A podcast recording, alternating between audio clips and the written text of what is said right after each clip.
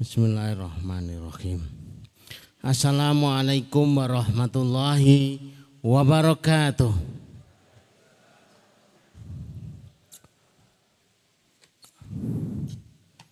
Alhamdulillahi rabbil alamin. Nahmaduhu wa nasta'inuhu wa nastaghfiruh wa nastahdihi wa na'udzu min syururi anfusina wa min sayyiati a'malina may yahdihillahu fala mudhillalah wa may yudlil fala hadiyalah. Nashhadu alla ilaha illallah wa nashhadu anna muhammad rasulullah. La nabiyya wa la rasula ba'dah. Allahumma asrah sudurna wa tazawwasa'an sayyiatina wa hab lana fahmal anbiya'i wal mursalin. Wa hab lana fahmas salafus salih. Allahumma anfa'na bima 'allamtana. Wa 'allimna ma yanfa'una wa zidna ilman. Wa na'udzu billahi min ahwali ahli nar. Allahumma la sahla illa ma ja'altahu sahla wa anta taj'alul hasna idza syi'ta sahla. Rabbi shrah li sadri wa yassir li amri wahlul 'uqdatam min lisani yafqahu qawli rabbi zidni ilma. Subhanaka la ilma lana illa ma 'allamtana innaka antal alimul hakim. Rabbana atina min ladunka rahmah wa hayyi lana min amrina rasada. Amma ba'd. Bapak dan Ibu sekalian yang semoga dirahmati Allah, semoga dicintai oleh Allah Subhanahu wa taala. Alhamdulillah pada kesempatan sore hari ini kita bisa bertolabul ilmi. Awalnya sudah kami siapkan materinya adalah teladan dalam kehidupan tapi ditutup majlis itu dengan perasaan sedih itu ya. Nah terus gimana itu ya? Kalau asam lambung itu mengenai banyak orang, berarti ketenangan itu berkurang. Mudahnya disimpulkan begitu. Sementara simpul dari ketenangan itu adalah bitikrillah. Dengan bitikrillah itu hati menjadi tenang. Kalau dia itu langka tidak berzikir, dia akan mabuk kepayang. Ke mana-mana terombang ambing, mabuk kepayang. Muntahnya duluan, keluar semua yang masuk. Sesuatu yang diyakini nanti akan menyang, mengenyangkan, bikin kenyang. Akhirnya keluar semuanya, jadi nggak nyaman. Maka dengan zikrullah itu hatinya menjadi tenang. Dengan tenang semuanya akan tergarap dengan baik dan kemudian peluang untuk jadi menang itu besar. Bapak dan Ibu yang semoga dirahmati Allah, saya sisipkan sebuah teladan. Tentunya teladan dalam kehidupan. Umat Nabi Nuh itu pernah dikirim kepada kehidupan. Dan tidak tanggung-tanggung itu, itu untuk menjadi pelajaran bagi kita yang dalam teladan tujuan dalam kehidupan. Tulisannya di awal itu teladan kehidupan, tapi ditulis oleh yang menulis itu jadi tujuan dalam kehidupan. Kalau Bapak Ibu pernah ngerti cerita Nabi Nuh, Nabi Nuh itu hidup berapa tahun? Ada yang tahu? Semuanya berpikir 950 tahun. 950 tahun itu jadi rasulnya nabinya itu 1050 tahun. 1000 punjul 50. 1000 lebih 50.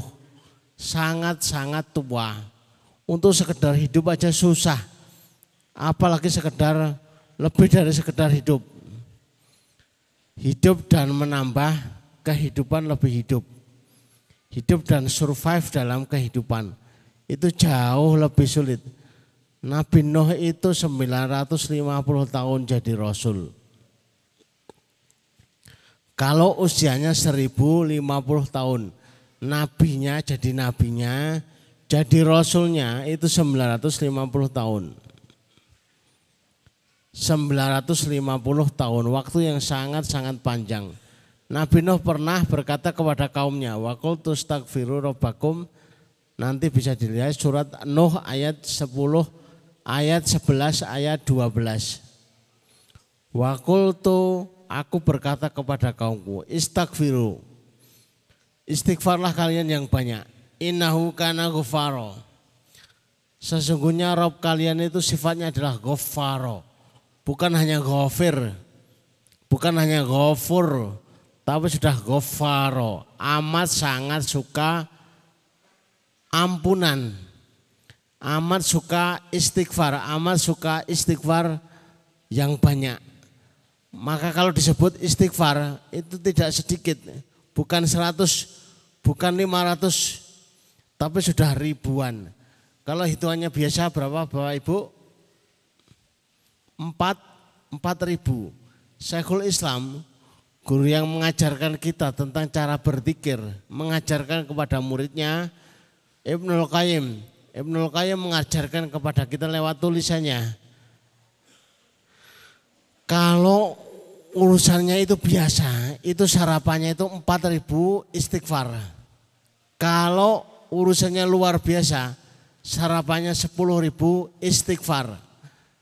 Lah kalau urusannya sangat-sangat tidak biasa, berarti di atas 10 10 ribu belenger. 15 ribu belenger, 20 ribu, 20 ribu belenger. Tapi itu adalah petunjuk. Semblenger apa pun kalau itu petunjuk ya sudah. Barangkali mungkin hari ini belum bisa. Tapi daripada ngeluh, daripada mikir, daripada pening, daripada apa itu mil yang tidak karuan lebih baik istighfar yang jelas hasilnya jelas perkataannya jelas misinya jelas judul sore hari ini ini sudah yang kedua teladan dalam kehidupan kita akan masuk supaya selesai agar tidak jadi part yang ketiga nah coba sebutkan teladan dalam kehidupan. Surat Al-Ahzab ayat 21.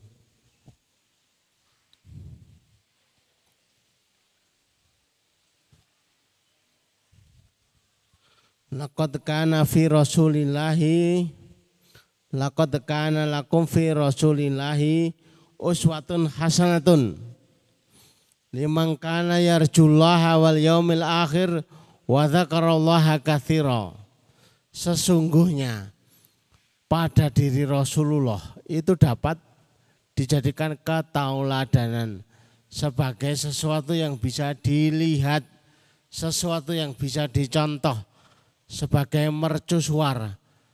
Kalau dia itu bingung bisa menjadikan sebagai isyarat ke mana dia harus berlabuh, ke mana harus menuju, ke mana harus berjalan ke sana. Sungguh pada Rasulullah itu dalam setiap urusan itu ada tauladan yang baik.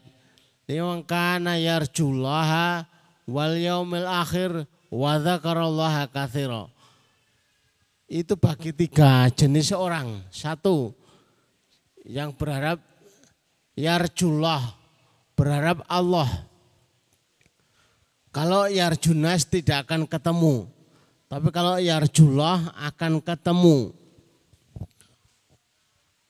Imang kana yarjulaha bagi siapa yang menginginkan bertemu dengan Allah dan mengingat Allah yang banyak. Jadi kalau ingin mengingat Allah yang banyak itu kembali kepada ketauladanan yang diberikan oleh Rasulullah Shallallahu Alaihi Wasallam. Sungguh pada diri Rasulullah itu ada ketauladanan yang baik. Bagi mereka yang Lakot kana lakum fi rasulillahi uswatun hasanah. Sungguh pada diri Rasulullah itu ada keteladanan yang baik. Bagi siapa yang di dalam kehidupannya itu menjadikan Allah sebagai misinya, sebagai visinya bersama Allah dia akan terus sepa, apa tuh, setia bersama Allah. Susah ya bersama Allah, senang ya bersama Allah. Imang kana yarjullah wal yaumal akhir. Begitu pula bagi mereka yang mengharapkan pertemuan dari dengan hari akhir. Nanti akan dihisap, nanti akan dipertanggungjawabkan pertanyaan per demi pertanyaan itu akan dijawab semuanya dan itu hanya Allah yang bisa menentukan ini termasuk yang selamat apa tidak selamat. Bagi yang ingin yarjullah berharap Allah dan berharap kehidupan akhirat, berharap juga mengingat kepada Allah, maka menjadikan Rasulullah itu sebagai tujuan. Lakot kan lakum fi rasulillahi uswatun hasanah. Liman kana yarjullaha wal yaumil akhir wa dzakarallaha katsira dan berharap yang banyak kepada Allah. Mengingat Allah yang banyak maka agar kita bisa menjadikan Rasulullah sebagai mercusuar keteladanan dalam kehidupan. Mari kita lihat selanjutnya teladan terbaik satu Rasulullah dua para sahabat tiga tabiin empat para tabiut tabiin siapakah itu para sahabat mereka yang bertemu Rasulullah hidup bersama Rasulullah tidak hanya hidup. Abu Jahal, Abu Lahab itu hidup pada masa Rasulullah. Tapi beriman apa enggak? Beriman kepada Rasulullah dan meninggal dalam keimanannya itu para sahabat atau sahabat Rasul. Tapi seorang yang ketemu para sahabat beriman sebagaimana imannya para sahabat kemudian mati dalam keimanannya. Para tabiut tabiin sama. Orang yang ketemu tabiut tabiin beriman sebagaimana tabiut tabiin kemudian meninggalnya sama sebagaimana para tabiut tabiin sehingga mereka tetap khusnul khotimah. Kemudian selanjutnya urgensi teladan. Mercusuar. Jadi adanya mercusuar itu sangat berfungsi bagi pelaut yang ada di laut. Kalau di laut itu tidak ada mercusuar, bingung dia. Ini mau minggir apa enggak, ini mau nengah apa mau ke arah selatan apa ke arah seutara itu bingung adanya mercusuar itu untuk menunjukkan di mana letak bintang-bintang yang ada. Juga sebagai pelita, sebagai lampu malam yang akan menerangi arahnya ke mana. Juga sebagai kopi pasta. Jadi kalau ingin mencari Hasan Al Basri sulit, tapi lihatlah siapa gurunya Hasan Hasan Al Basri ternyata gurunya adalah Sufyan Atsauri, maka bisa menemukan Sufyan Asauri lebih mudah daripada menemukan Hasan Al Basri. Hasan Al Basri itu lebih ke mana-mana itu lebih sering ke mana-mana di kota Basrah. Namanya Al Hasan dari kota Al Basrah, maka sebutannya Hasan Al Basri. Kemudian tidak salah. Mudah dan tidak salah. Kalau kita punya teladan dalam kehidupan, siapa yang akan kita ikuti itu lebih mudah. Tidak mudah salah dalam kehidupan. Karena ada yang dilihat, ada yang diperhatikan. Karena ada yang ditiru. Kalau teladannya itu sholat, dia ikut sholat. Maka Rasulullah ketika pertama kali dakwah kepada para sahabat di Makkah yang dilakukan Rasulullah pertama kali adalah mengajak para sahabat itu mengikuti Rasulullah. Apa yang dikerjakan Rasulullah diikuti semuanya. Sampai Rasulullah hijrah ke Madinah, semuanya ikut ke Madinah. Kenapa? Karena semuanya ingin ikut bersama Rasulullah. Ingin kehidupan sebagaimana kehidupan Rasulullah Shallallahu Alaihi Wasallam. Kemudian alasan memilih tempat, lingkungan, fasilitas, suasana, teladan dan lain sebagainya. Kadang kita itu kenapa milih Temanggung? Karena alasannya lingkungan, fasilitas, kemudian suasana, kemudian teladan. Tapi sebenarnya yang paling pokok itu adalah teladan. Kalau memilihkan anak ke sekolahan, ini akan mau jadi siapa? Lingkungan, fasilitas, suasana, teladan, dan lain sebagainya. Itu tidak menjadikan anak itu, anak Thomas diteliti dalam seorang bernama Thomas itu meneliti, kemudian dapat sebuah informasi dari sekian orang yang diteliti itu yang dari lingkungan bagai baik itu nomor 21. Yang dari sekolahan terkenal itu nomor 30. Yang nomor juara 1 21 yang nomor dari sekolahan yang hebat itu nomor 30. Yang ranking 1 dia itu nomor 12 Nah kok semuanya serba di atas 10 semua. Ini berarti lingkungan yang bagus tidak menjamin hasil yang bagus. Kemudian sekolahan yang bagus tidak menjamin yang bagus. Terus apa saja yang menjadikan sekolah anak itu mendapatkan pendidikan bagus yang pertama adalah berkata yang benar tidak mungkin berkata benar kecuali gurunya itu menunjukkan cara berkata yang benar. Cara berkata yang benar, metode berkata yang benar. Dan dia sudah terbiasa berkata yang benar. Kemudian mewariskan kepada anak didiknya cara berkata yang benar. Sehingga dia itu berkata yang benar.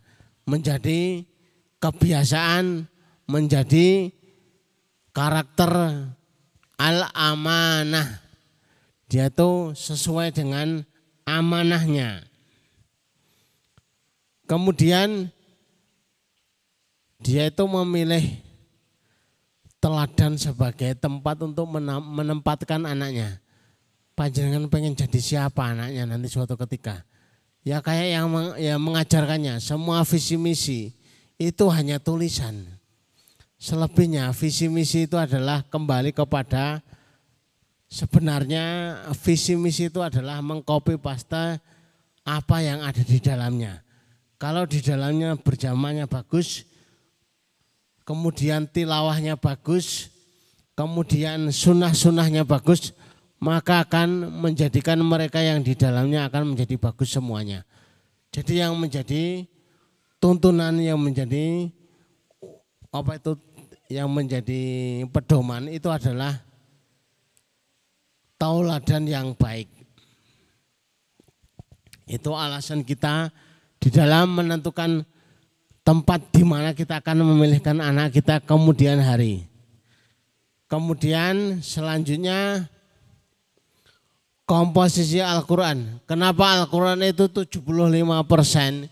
Itu isinya itu kisah 75 persen itu isinya kisah.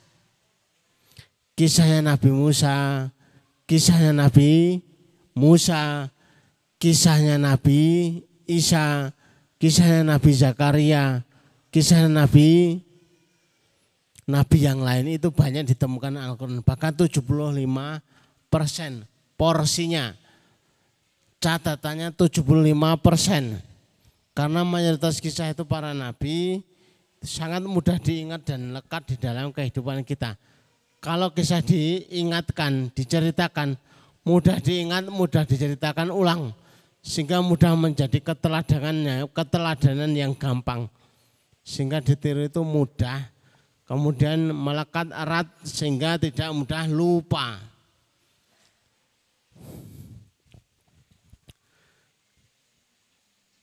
Bapak ibu juga bertanya kepada anaknya, siapakah nama ibunya Isa alaihissalam? Awalnya nggak tahu, tapi begitu buka Ali Imran itu tahu. Oh ternyata ibunya Nabi Musa itu namanya Hana.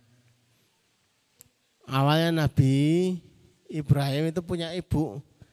Kita nggak tahu namanya. Begitu buka Al-Quran nanti akan tahu namanya.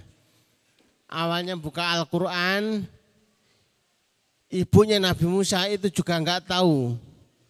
Tapi begitu dikaji nanti akan ketemu judulnya bahwa ibunya Nabi Musa itu ada di dalam Al-Quran maka perlu sebelum diisi penuh kepala-kepala itu oleh komposisi yang tidak benar, maka isilah dulu komposisi yang benar kepada anak-anak kita sekalian. Karena 75 isinya itu adalah kisah. Sehingga mudah dikisahkan kepada anak-anak kita. Mudah dan gampang untuk diceritakan. Bahkan dianimasikan lebih mudah karena gampang bentuknya kisah. Ada kisah-kisah para nabi, kisah-kisah para sahabat, kisah-kisah para tabiin, dan kisah-kisah yang lain. Sehingga mudah untuk ditiru dan diikuti dalam kehidupan. Selanjutnya, carilah teladan. Kalau Bapak Ibu hari ini belum punya teladan, itu harus punya teladan. Satu, Jenengan itu senang dengan dengan cerita para nabi itu siapa? Kayaknya ini cocok dengan saya. Nabi Musa. Kayaknya ini cocok dengan saya. Nabi Isa. Kayaknya cocok dengan saya. Nabi Muhammad. Kayaknya cocok dengan saya. Nabi Nuh alaihissalam. Generasi pilihan. Khairul kuruni korni Thumaladzina yalunahum, thumaladzina yalunahum. Rasulullah sudah dawuh sebaik-baik abad itu adalah generasiku. Kemudian setelahnya, kemudian setelahnya. Jadi tiga generasi itu terjaga. Generasi generasi sahabat, generasi sahabat, generasi tabiin dan generasi tabiut tabiin. Terus kemudian orang-orang soleh, orang-orang yang bertakwa. Dan selanjutnya adalah selain orang-orang pilihan adalah orang-orang soleh dan orang-orang bertakwa. Setiap kita punya keteladanan yang bagus. Kalau mereka yang suka baca Quran, dengan Qurannya dia menjadi teladan bagi yang lain.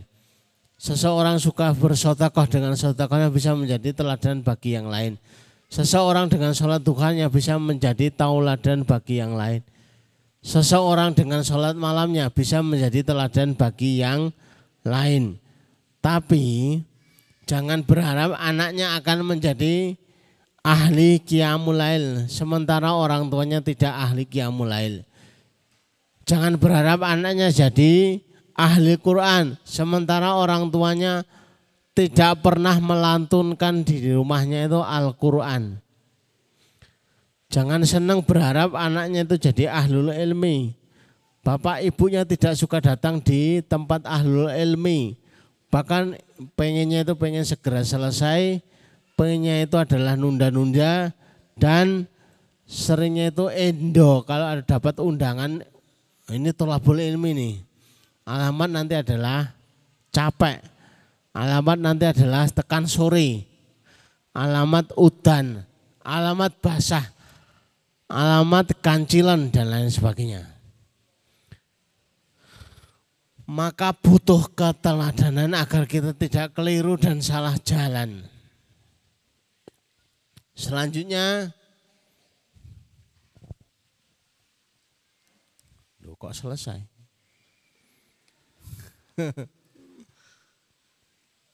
carilah teladan itu ternyata nomor terakhir. Alhamdulillah berarti selesai. Jadi Bapak Ibu harus menunjukkan siapa yang akan menjadi teladan bagi anak-anaknya. Anak-anaknya sudah dapat teladan Bapak Ibunya. Anak pertama, anak kedua, anak ketiga, anak keempat, anak kelima harus bisa menjadi keteladanan. Unsur tarbiyah yang paling kuat itu adalah keteladanan. Jadi kalau anak-anak datang ke sini itu tujuannya untuk mengikuti yang terjadi pada guru-guru mereka. Kalau gurunya itu ahli Quran, anak-anaknya akan jadi ahli Quran. Akan mengikuti demikian. Dan begitulah siklusnya. Ahli Quran akan mencetak ahli Quran. Ahli hadis akan mencetak ahli hadis. Kemudian ahli ilmi juga akan menurunkan ahlul ilmi. Sebaliknya ahlu tilawah itu akan menurunkan ahlu tilawah. Sebaliknya. Kalau dia itu banyak keburukannya negatifnya itu khawatir. Pinter joget. Mesti muridnya pinter joget. Pinter nyanyi muridnya pinter nyanyi. Pinter ngapusi anaknya juga pinter ngapusi. Pinter dolanan, anaknya pinter dolanan. Semua tergantung gurunya masing-masing. Semua tergantung yang diberikan keteladanan. Maka keteladanan itu menjadi penting karena unsurnya unsur tarbiyah. Lakot kana lakum fi rasulillahi uswatun hasanah. Sungguh pada diri Rasulullah itu ada keteladanan yang baik.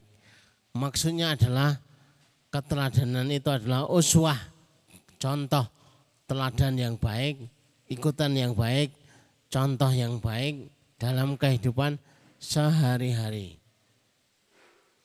Baik Bapak Ibu yang semoga dirahmati Allah, semoga dicintai Allah, disiapkan, persiapkan akal hatinya, kemudian kita berdoa kepada Allah di Jumat yang mubarakah ini mudah-mudahan doa-doa kita terkabul semuanya, tidak ada yang tertolak. Dipersiapkan hati, akal, dan pikiran, mudah-mudahan doa kita diijabah oleh Allah Subhanahu wa taala. Allahumma sholli ala Muhammad wa ala ali Muhammad kama shallaita ala Ibrahim wa ala ali Ibrahim. Fil alamin innaka Hamidum Majid. Allahumma barik ala Muhammad wa ala ali Muhammad kama barakta ala Ibrahim wa ala ali Ibrahim. Fil alamin innaka hamidum majid. Walhamdulillahi rabbil alamin Allahumma ini as'aluka min khairin ma sa'alamin nabiyuka Muhammad sallallahu alaihi wasallam. Wa na'udzubika min syarri ma sta'adha minhu nabiyuka Muhammad sallallahu alaihi wasallam. Antal musta'an alaikal balak wala khawla wala quwata illa billah. Ya Allah sesungguhnya kami memohon seluruh kebaikan yang pernah diminta oleh Nabi kami Shallallahu Alaihi Wasallam. Ya Allah sesungguhnya kami mohon dilindungi dari segala sesuatu yang dimohon oleh Nabi kami Shallallahu Alaihi Wasallam. Engkau lah tempat kami meminta, engkau lah yang mengabulkan segala doa. La haula wa la quwata illa billah. Allahumma Allahumma inna naj'al Allahumma ja'alna ya Allah sesungguhnya kami mohon kepadamu amalan yang baik-baik. Allahumma nas'aluka amalan baron warizkon daron wa aisan wa koron anugerahkan kepada kami amalan yang baik-baik, kehidupan yang tenang dan kehidupan yang tentram birahmatika ya arhamar rahimin. Allahumma Allahumma hidhib hamana Allahumma hidhib hamana Allahumma hidhib hamana ya Allah angkatlah kesulitan demi kesulitan kami Ya Allah angkatlah kesulitan demi kesulitan kami Ya Allah angkatlah kesulitan demi kesulitan kami. Ya Allah urailah problematika kami ya arhamar rahimin. Rabbana atina fid hasanah wa fil akhirati hasanah wa qina adzabannar. Wa qina adzabannar wa qina adzabannar. Wa sallallahu ala Muhammadin wa ala alihi washabihi wasallam. Subhana rabbika rabbil izzati amma yasifun. Wa salamun alal mursalin. Walhamdulillahi rabbil alamin. Alhamdulillahi rabbil alamin. Demikian kajian sore pada kesempatan sore hari ini mudah-mudahan bermanfaat. Wa qala qali hadana astaghfirullah li wa lakum. Subhanaka Allahumma rabbana wa bihamdika asyhadu an la ilaha anta astaghfiruka wa atubu ilaik. Assalamualaikum warahmatullahi wabarakatuh.